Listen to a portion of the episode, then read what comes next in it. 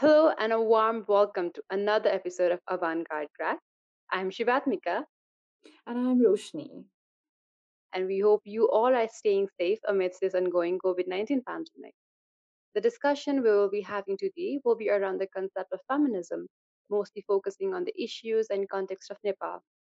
So, Roshni, uh, growing up, when would you say was the first time you heard of the word feminism or feminist and that you identified with it? Uh, well, I don't really remember about the first time I heard about feminism, but then it must be when I was 17, 18 or so.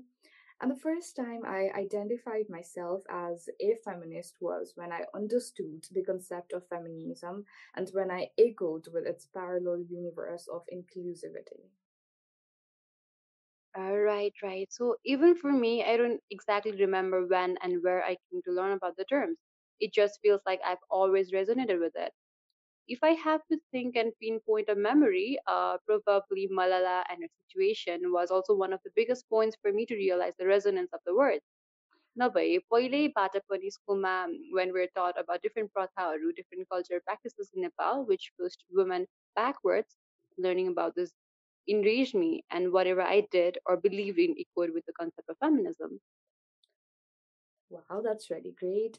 Uh, so, growing up, when uh, you compare the situation of the past and of now, how do you say this safe space of feminism had changed, or has it? All right, so uh, um, I think talking about feminist spaces, internet has provided me a very important space for me to learn and unlearn Frankly, भन्नुपर्दा growing up घरमा चाहिँ we did not have much of यस्तो discussions भयो नि not very deep which led me to talking with my friends and slowly learning from the internet also from where I have met such great inspiring feminists जोसँग I can openly discuss about such issues and just comparing a few years ago and now I can sense and have seen the upbringing of so many issues that were discussed before अनि अहिले चाहिँ चाहिँ एकदमै खुलेर हुन्छ Similar यो इस्युसँगै आएको टर्म्सहरू feminist feminism पनि आएको छ acknowledging the importance of discussion of such issues, it also gives me hope and happiness seeing many ethnic siblings and along with them the younger generation being rightful and learning and unlearning so many needed things. सानै उमेरबाट. It really gives me a hope for the future generation. Ani, uh, what about you, Roshni? Uh, well, so you have included most of my concerns. Um, so Okay. this, ma, if I need to add, um, it has not been an inclusive space yet. Uh, but then obviously the perspectives are changing in a positive way regarding feminism. I know. Honey, honestly speaking, I still do not see, uh, like, really see a safe space of feminism in technical field or in spacecrafts or many areas. Okay? It Right. could have been combined and as elaborative as it is on currently developed feminist ethics, bioethics, and the feminist environmental philosophy. Uh, today, yes, a female voice is heard in works of, um, you know, like space philosophy, let's say space ethics or space policy, or many new terminologies that male are acquainted with, right? But it is not enough. Like in the other fields of philosophy and ethics, traditionally dominated and shaped throughout centuries by males, we need a new feminist approach that will bind all subjects all together. अब like we are still on the process towards achieving this अनि अर्को एउटा नयाँ concept now is about intersectionality right like women's intersecting identities, um, like meaning that they were impacted by a multitude of social justice and human rights issues. But then, uh, like in this era, like to uh, many conservatives, intersectionality means um, because you are a minority, you get special standards, special treatment in the eyes of some. I know, but then it's all about checking our privilege before, before we ask for our feminist space. It is not about um, building a racial hierarchy with unprivileged women at the top, but it is indeed an attempt to demolish racial hierarchies altogether. So, yes, we are somehow pertaining towards achieving that space. All right, I absolutely understand that. Thank you for being inclusive and including everything. Ani, uh, joining our discussion today, we also have Akriti Ghimire. Hello and welcome to our podcast, Akriti. Uh, why don't you go ahead and introduce yourself? Hi Shivatmika, hi Roshni. Thank you so much for having me here. So, to introduce myself, I'd like to begin by calling myself a feminist. And professionally speaking, I'm currently in my fourth year of undergraduate studies at New York University, Abu Dhabi. I'm majoring in legal studies, and hopefully, someday soon enough, I'll become a lawyer. Ah, that's lovely. So, how have you been? How are you spending your days during the quarantine? Quarantine has been pretty okay, I guess. Um, the best part is that I've taken a social media break and I really like it. I honestly don't miss it. And I mean, to stay in contact, I email my friends abroad or give a call to those who are here. My days are pretty much staring at the screen, whether to read, write, but pretty much that's it. That's great. Um, and what about you, Roshni? How have you been spending your time during the quarantine? Lately, the quarantining thing has been a little hectic, but then I have been managing my time to indulge in many amazing projects done by Rotaract Club of Kapan University Medical School. Besides that, Shivat and I had just uh, completed our course on leadership and organizing, which was amazing. And I personally have been a um, you know, like a part of many model United Nations as a DIAS member. So yeah, it's going uh, very hectic plus very interesting at the Mm, same time. right. So you have been uh, remaining busy. So uh, let's dive into the topic, shall we? So, even though everyone has their own definition of what feminism means personally to them, it's surrounded around a similar concept. Of a dictionary on Sarzano Obanite, Merriam-Webster Lite defines feminism as the theory of political, economic, and social equality of the sexes, as well as organized activity on behalf of women's rights and interests. For me personally, feminism is an ongoing struggle against sexist oppression, an ongoing struggle to end the oppression of women, non binary, and queer people. At its core, feminism for me is about equality of everyone, regardless of gender, class, caste, sexual orientation, disability, and so on. I'm sure you guys have your own interpretation of the term Hainata. So, Roshni, what does feminism mean to you? For me, feminism is the doctrine of advocating social, political, and all other associated rights of women of any races, class, language, nationality, ethnicity, religion, and sexual orientation. And I believe in the kind of feminism that would not function to silence or marginalize some women by universalizing the claims of relative privilege to women. Right, and Akriti, what about you? Definitely, the core of feminism is about equality for everyone. And feminism, to me, additionally, is also about choice. So, no, not having someone else decide what kind of clothes you should wear, what kind of sexuality you can be, whether you can express yourself freely or not, whether you can cry as a man or not, whether as a woman you can talk loudly or not, whether you're pro abortion, whether you're pro homosexuality or pro everything, you know. So, you being able to choose without having that societal constraints about things. So, to me, feminism is also about choice, and it's not just a feminist. Being a feminist is not just a title that you confer it to yourself. I think it's a lifestyle, and it's a lifestyle in a way about uh, you being conscious of how you speak, the kind of words that you use, choosing gender neutral words, or the way that I um, think about my mother and father, or the way that I um, deal with other people, or whether I actively choose the kind of books that I read or not, whether I read books written by women or mo- watch movies directed by women or not. So it's about me reflecting in my daily interactions as well so that i don't offend anyone else you know so that i'm not being i'm not using derogatory terms towards someone else so to me it's a lifestyle and it's not just a term that i use to argue with people you know and the other interesting part is that where I can define my own feminism right now as we're having this conversation, Shivatmika has her own definition, Roshni has her own definition of feminism. And the fact that we can call it my feminism, I think that's amazing. Um, yes, absolutely. Also, women in Nepal constitute uh, one of the biggest subordinated groups here, who are left far behind from their male counterparts. Even exercising fundamental human rights is something that is difficult for women to pursue. If we were to go back in time and study the power women had in society, we would see that they performed an active role in every critical turning point of the society with leadership that than male since Vedic era. They were treated as equal to men. But as the society seemingly progressed, society has practiced anti feminist ways and have treated women differently, leaving women far behind.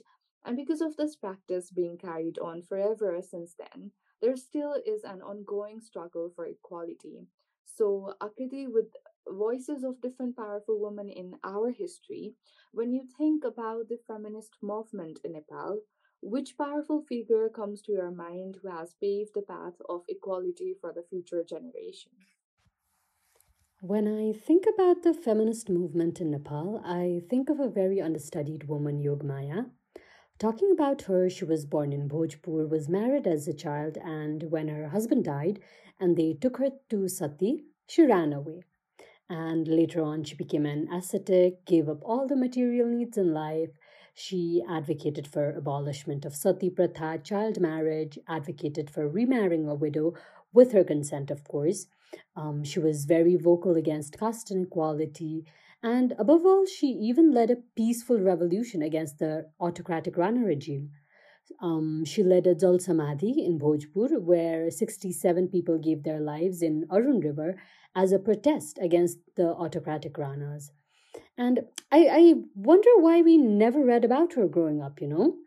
She has been such an interesting figure for me because of her eclectic life, the intersection of politics, spirituality, and activism, all three aspects that I'm really interested in. So for me, she really stands out. And apart from that, I do think that it's also important that we acknowledge the female combatants in civil war, Jan Andolan 1 and Jan Andolan 2 then again we don't have many women to idolize historically you know because our history has been so biased against women you ho- honestly even today when you look into परिवारको वंशावलीहरू हुन्छ नि हो त्यसको if you just look into them you will barely find women's names न छोरीको नाम लेखेको हुन्छ कति फ्यामिलीजहरूको वंशावलीमा न बुहारीको नाम लेखेको हुन्छ इट्स टेक्निकली एज दो कि family ट्रिजमा women don't exist even coming to this age So, exactly, Akriti. Yogmaya actually established Nari Samiti in 1980. She was the first feminist of Nepal, but we didn't recognize her. You know, like uh, I personally did not uh, find about Yogmaya until when I actually attended a class about feminism in Nepal. So like राणाकालमा भएको जुन शोषण र उत्पीडनहरू या त जति नै दमनहरू भइएको थियो होइन त्यति बेला सबै क्रेडिटहरू चाहिँ it was you know like given to Chandra Shamsher right so Yogmaya was not credited for all of that so त्यति बेलादेखि नै there was you know like a kind of a movement that actually voiced out for the feminism and for the rights of women itself so yeah Right, so I absolutely agree with you both. Uh, when I came to know about Yogamaya Neupane, I felt like we had been robbed of such important information. She has played a huge role in defining the women's status in Nepal. She's such an important figure for us. I really believe we should have learned about her in school.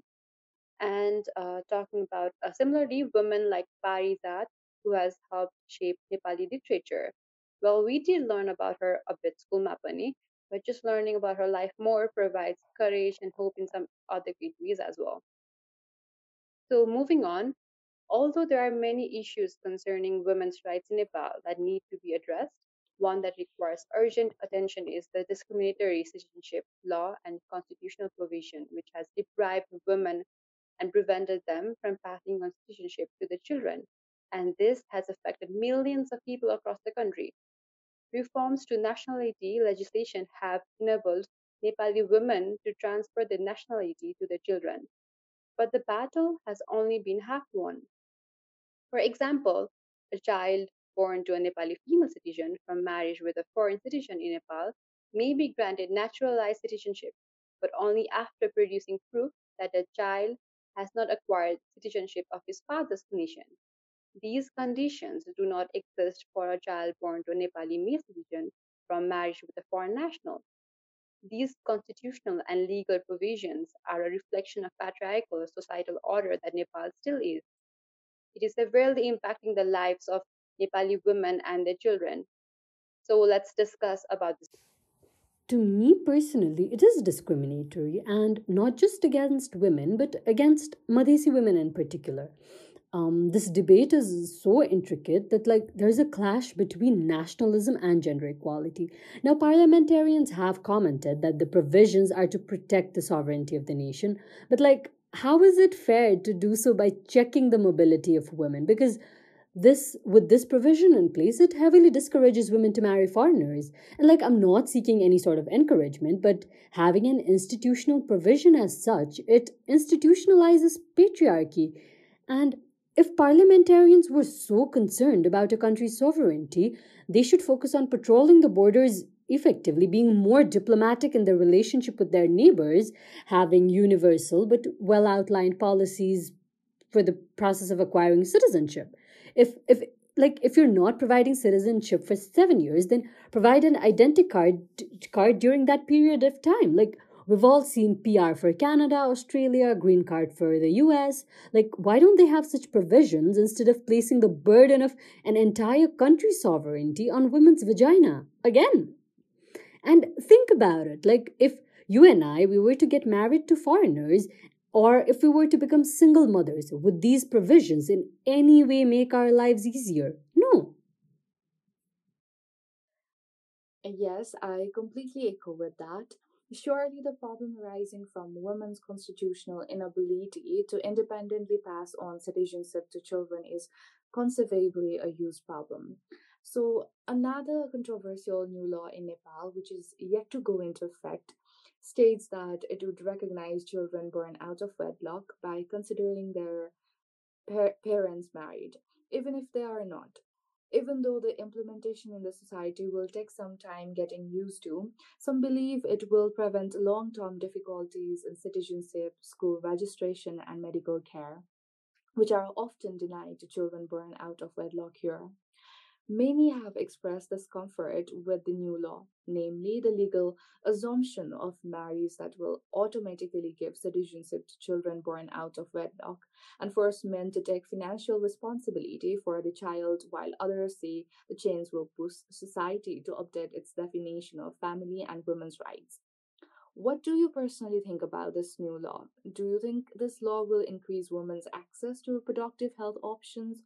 Or do you think without amendments to the law to clarify vague issues like what circumstances would trigger the marriage provision, or when a single mother would be allowed to have a child, it would not be very effective in the society? To me, this is completely against feminism and against choice. Like, it forces marriage upon two people who may not choose to be married. Like, by saying that they want to bring up by the that the policymakers want to bring about this policy considering that like considering them to be married that means the state does recognize how difficult it is for a single mother in her life to like living in nepal. Like if a state makes that judgment that means the solution is not to force marriage upon the parents of the child like it is rather to respect their decisions as parents and to ensure that each single parent single mother single father both single fathers whoever they have as much access to facilities and services as any other child with two parents have. Like i don't think there should be any circumstances under which marriage can be triggered. Marriage is something that has to be consensual and not forced upon and that too by a state it's infringing their freedom you know? And moreover this question about women's reproductive health options i don't think women's reproductive health options should be dependent on whether one is married or not whether one has a child or not. Like when sing while single mothers do face a lot of problems on bureaucratic level even on social levels but tackling that should not be by forcing a man onto her you know this is like this is to say that a woman can never be independent that a state is ensuring that a woman will woman will always be dependent upon a man for every single right in her life. And again institutional patriarchy um, regressive laws how far will we move ahead in this movement? And it, it just complicates even it creates more complications between individuals who choose to have surrogate mothers or have test tube babies or like for example talk about sperm donors. That means will every sperm donor be married to how many women? That means will they also allow polygamy you know? So in fact honestly drifting off a little bit it really bothers me that gynecologists like i had a gyne, gyne visit a few days ago and well, you know, a question that they asked like, am I married or not? Like, why is whether me being married or not, what does it have to do any sort of um, facilities that I'm seeking for, you know? And of course, there comes this notion about premarital sex and everything, but still, like, I really found that question very much offensive. And also about when you go and buy contraceptive pills, let's say, like, you can be buying contraceptive pills for any reason, right? Why does a and like any person out there, a pharmacist, have to ask whether one is married or not. So these are just questions I wish we didn't have to deal with, and that our reproductive services that we get in life should not be contingent upon whether we have a man in life or not. Right, I absolutely agree with that. Um, अनि कुरै गर्दा जाँदाखेरि unlike the deep-rooted belief, many women in our lives now have jobs. They are out here providing their services in different, unique fields. This is a reform in its own way. But what still exists is that these women are still expected to come back home and do the household work. There still remains no division of work. There still remains expectations from women to bear the sole responsibility of the household work. This feels like saying if you want to work, then find out a way to balance your work and the household work. Due to this, some women sacrifice their interest and even passion to take care of their family. Doesn't this feel like taking a step ahead but yet remaining stationary at the same time? Um, it is. It is taking a step ahead in allowing women, allowing, quote unquote, allowing women to go and work, and at the same time, them having to do every single work in the household because there is no balance, you know. Um, I remember this conversation that I had with my Ghorko Cheuko beauty parlor ko auntie that she told me that she used to work as a radio jockey, radio Nepalma paila, आरजेको काम गर्छिन्थ्यो यताउति but she had to give that up because she had a child अनि बच्चा हेर्नु पऱ्यो अनि अब हस्बेन्डको त जब जस्ताको तस्तै थियो but she had to give up her job अनि पछि बच्चाको स्याहार सुसार हेऱ्यो यताउति त्यसपछि she open the beauty parlour अनि सी वर्किङ देयर हुन्छ नि। So it's like a woman had to give up her dreams this or that for a man but like a man's life doesn't change much likewise एउटा बच्चा हुर्काउने काम completely एउटा वुमनको घरको सबैभित्रको काम entirely a womanको and it's like घरमा कोही if you put any helper घरमा you will recognize their work हुन्छ नि you will pay them हुन्छ नि तर घरमा आमाले गरेको काम मम्मीले गरेको काम त्यो कामको त you won't even consider that as work के so this demands an equal division of household works, like proper recognition hunu parcha unpaid care work ko pani. um, moreover, like your mundane task, unsani, cooking, cleaning, washing clothes, utensils, why are these labeled as women's chores? Like these, this is basic human work. So like by gendering, it is actually limiting so many people from actually learning these basic life skills. Everyone should have these skills. So I, I just wish that this wasn't a gendered task, but then everyone actually understood it as that. And maybe we would be much more progressive in making ensuring that women had the balance in their professional life as well as their personal life. Yes, Akriti. Um, also, uh, there are women's uh, rooted division of class and caste in Nepal. Even though the fight of feminism is the same, the division has created a huge gap in the fights as well. Women from this socially defined lower caste and class are struggling just to be acknowledged. For them, it is not only their gender that pulls them back, but also their class and caste do. Their fight remains about existing in society, However, it feels like the upper caste women have been trying to control the narratives and also have been in the spotlight for a long time.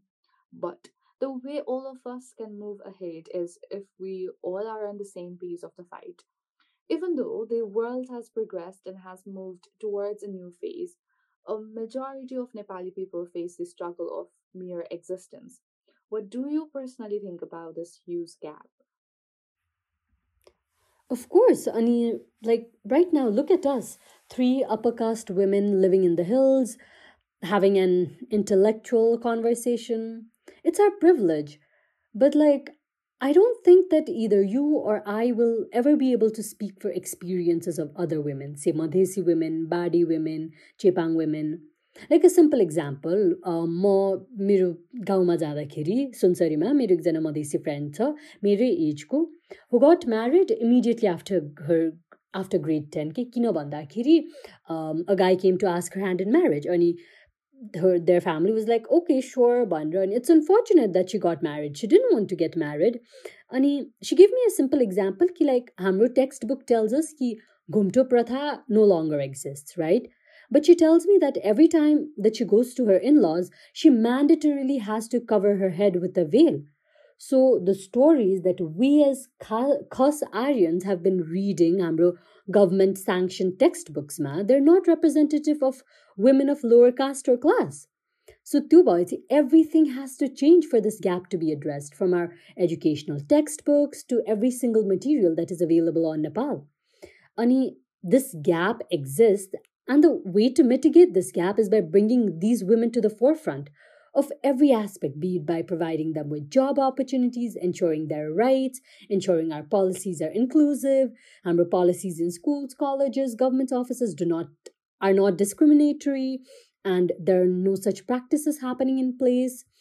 And also our vocabularies have to be updated. Kosto language bolnu kosto language bolnu which language is offensive. And everything has to be put in place and also short term to this short term solution to this is reservation for minorities and disadvantaged people. But like hopefully years down the line reservation will not be necessary you know? That is assuming that our society will be much more equitable soon. Right. So um Chhaupadi Pratha, it is one of the traditional practices rooted in some of the cultural practices in Nepal especially in the mid and far western Nepal. Supreme Court of Nepal issued a directive against the tradition in 2005, but due to the lack of legislation, Chhaupadi was not criminalized. It continued to flourish predominantly in Nepal's mid and far western regions, where it, where it is estimated up to 95% of women and girls practice Chhaupadi. These led to passing of a law in 2017 that would punish people who would force women to sleep outside during their menses. Still, the practice of exiling women during their menses exists in some villages. It was only in 2019 that saw the first arrest in Nepal connected to the practice. The fact that it took nearly 18 months for the first arrest to be made is proof that the law will be extremely difficult to enforce. It is also found that many girls and young women were aware that Chhaupadi is illegal, but then that knowledge made them no less likely to practice Chhaupadi. Chhaupadi being the highlight, the problem still goes beyond the hut. Even in the rest of Nepal, untouchability during menstruation, I mean Nepalima, not suni, pani bhaन्छौँ it is practiced even till death. The practice of untouchability during menstruation is really rooted deep in our society. So let's talk about this. Yes, and it's a great legislative step that the government has taken by, first of all, acknowledging that Chhaupadi is not just a social issue, but also a political issue. And you see that this is not going to go away by simply enacting laws and by destroying chow sheds and everything. A simple, like, analogy that can be drawn is with हाम्रो normal families living in Kathmandu कि कति काठमाडौँको घरमा त periods हुँदाखेरि मान्छेहरूलाई किचनमा जान दिँदैन कुनै पनि सोफामा बस्न दिँदैन आफ्नो बेडमा सुत्न दिँदैन त्यो भनेपछि अछाम बझाङ बाजुरा जस्तो ठाउँमा वेयर एजुकेसन त बेयरली छ मान्छेहरूसँग अनि त्यो एउटा कल्चरल रिलिजियस बिलिफ यति धेरै इन्ग्रेन छ कि it's really difficult for them to imagine a life beyond that so त्यो भएपछि मोरओभर गर्ल्सहरूले यतिसम्म इन्टर्नलाइज गरिसकेको छ कि it's very difficult to actually get rid of हुन्छ नि। सो त्यसको solution would be most probably having a place where women on their periods can experiment themselves हुन्छ नि without you trying and experimenting हुन्छ नि पिरियड्समा भएको बेलामा किचनमै गएर खाना पकाएर हेर्दा लाइक कसरी चाहिँ पाप लाग्दो रहेछ अथवा लाइक हुन्छ नि त्यो आफैले एक्सपेरिमेन्ट गर्दा नगर्दासम्म I don't think it's ever going to go away अनि त्यो वुमेनहरूबाट त्यो ल्याउनको लागि what we can do is we can tell them that there is an alternative possible के so, this is going to take a lot of time and a lot of patience. Of course, there are a lot of grassroots level organizations that are working in there, but कसैलाई force गरेर यो change आउनेवाला छैन it has to come from within them selves but I think पहिला सुरुमा चाहिँ people need to be aware that a life beyond that quote unquote pure life beyond that is still possible. There are also about this legislation को कुरा गर्दाखेरि डिसेम्बरमा जुन reported victim जसको death भएको थियो उहाँको ब्रदर इन ललाई चाहिँ पुलिसले कस्टडीमा लिएको थियो तर enough unofficial reports from Achham Dev set कि his out on bail so like he was punished only with having to report to police twice monthly for three months so that means that was it so that means कि legislative law arrest गर्यो भन्दैमा legal action पनि त केही राम्ररी भएको रहेनछ त पुलिसले आफ्नो काम पनि त त्यहाँ राम्ररी गरेको छैन त भनेपछि इज इट अल यो लज पनि भन्नको लागि मात्र हो त Um, yes, in addition to what Akiri has said, on a slight harsh note, um, the access to water as well as sanitation and convenient disposal or cleaning facilities, you know, like to manage menstruation hygienically at a very practical level, is also not available. Only many households in urban areas, including Kathmandu itself, they, it prohibits menstruating women from entering kitchens or temples or eating with a family or sleeping in their own beds, perpetuating their social ostracization. So, yeah, uh, that brings us to the end of our discussion today. So, is there anything you want to say to the people listening to this? Um, a thing that I'd want to say is let's all be feminists. But like if I know the title irks a lot of people and I think what I would suggest you is just go sit with your female identifying friends or sit with your mother and just ask them about their life. Just sit there and listen to them. Maybe they will inspire you about feminism and they'll tell you why it is necessary that our world and our ways of life have to change. And another thing that I'd want to say to us who identify as feminists is that whenever we talk about feminism, we're often clashing with Hamre mothers or grandmothers because so much of their belief doesn't align with us and there's so much of clash happening there. So feminism ko idea was to uplift women हुन्छ So if हाम्रो feminism we're clashing with our mothers and grandmothers भनेपछि how great is our feminism or how good enough is our feminism? Actually, this is something that one of my uh, acquaintances had asked me. So, this is a question that I'm still trying to navigate, and I really think that it's time that all of us we at least give it a thought, you know. Thank you so much, Akriti, for this insightful chat. We really enjoyed having this discussion with you. Thank you so much for making time for us. Um, thank you so much, Shivatmika and Roshni, for deeming my words worthy. I hope you guys enjoyed this. I extremely enjoyed this. And thank you so much. It was a pleasure. Bye bye.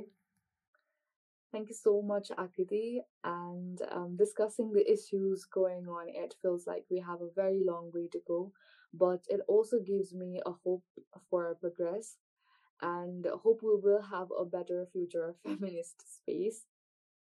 Right, I'm sure we all have imagined a safe space for everybody. Day host ki night host, internet host real life may host.